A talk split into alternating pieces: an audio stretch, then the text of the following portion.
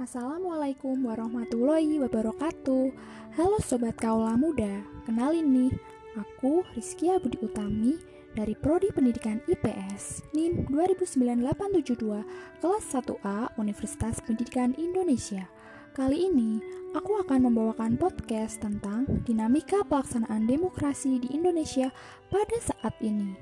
Setelah sekian tahun, pelaksanaan demokrasi multipartai yang mulai diterapkan sejak masa pemerintahan Presiden B.J. Habibie hingga sekarang yang memang merupakan salah satu sistem demokrasi yang baik pada saat itu.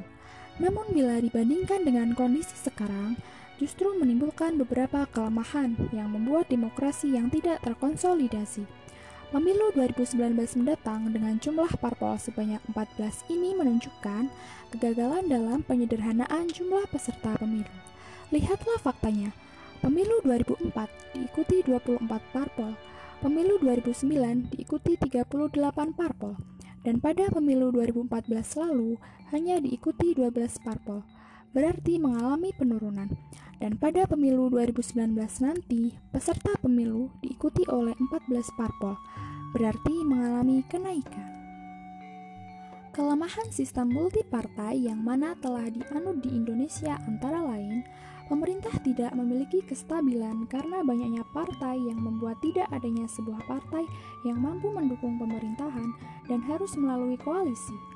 Pemerintah terkadang ragu dan banyak program yang kurang efektif. Sistem multipartai cenderung lambat dalam meningkatkan pertumbuhan ekonomi. Logika lingkaran setan, karena semakin banyaknya partai politik, semakin banyak pilihan, Semakin banyak pilihan, akan semakin sulit memilih. Semakin sulit memilih, semakin banyak yang tidak memilih, dan semakin banyak golput. Semakin mundur arti sebuah demokrasi. Dalam hal ini, demokrasi perlu terus dikembangkan untuk mencapai demokrasi yang terkonsolidasi.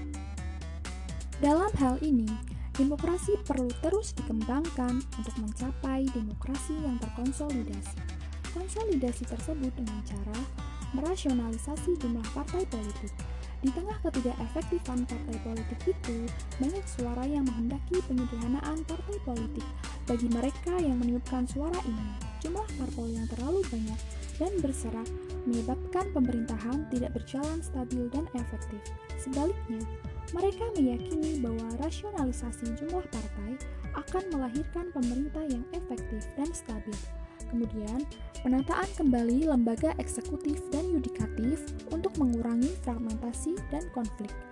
Dalam otonomi daerah yang diberikan pada daerah tingkat 1 menimbulkan kurang berjalannya pada pemerintahan 1 dan 2. Maka, pemilihan bupati dan wali kota perlu dirasionalisasi.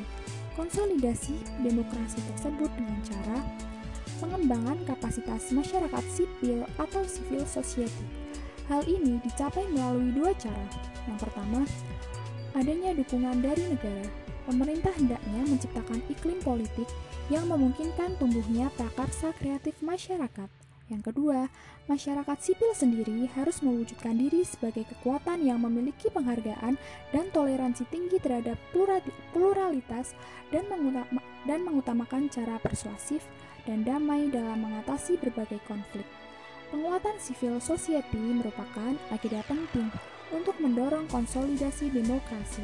Belajar dari Amerika Latin tahun 1970 sampai 80-an, transisi politik bisa berbalik arah bagi penguatan otoritarisme jika partai politik asyik menistakan partisipasi rakyat dan mengutamakan kepentingan diri dan kelompok. Dengan adanya civil culture ini, mendorong adanya penghormatan dan kepatuhan terhadap hukum dan ketertiban atau law and order, sehingga melahirkan demokrasi yang baik terkonsolidasi.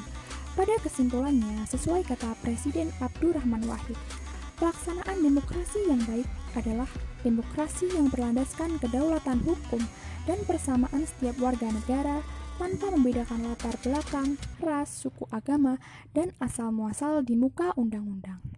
Nah, sobat kaula muda, demikianlah podcast tentang dinamika pelaksanaan demokrasi saat ini yang bisa aku sampaikan.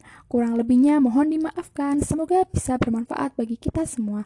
Wassalamualaikum warahmatullahi wabarakatuh.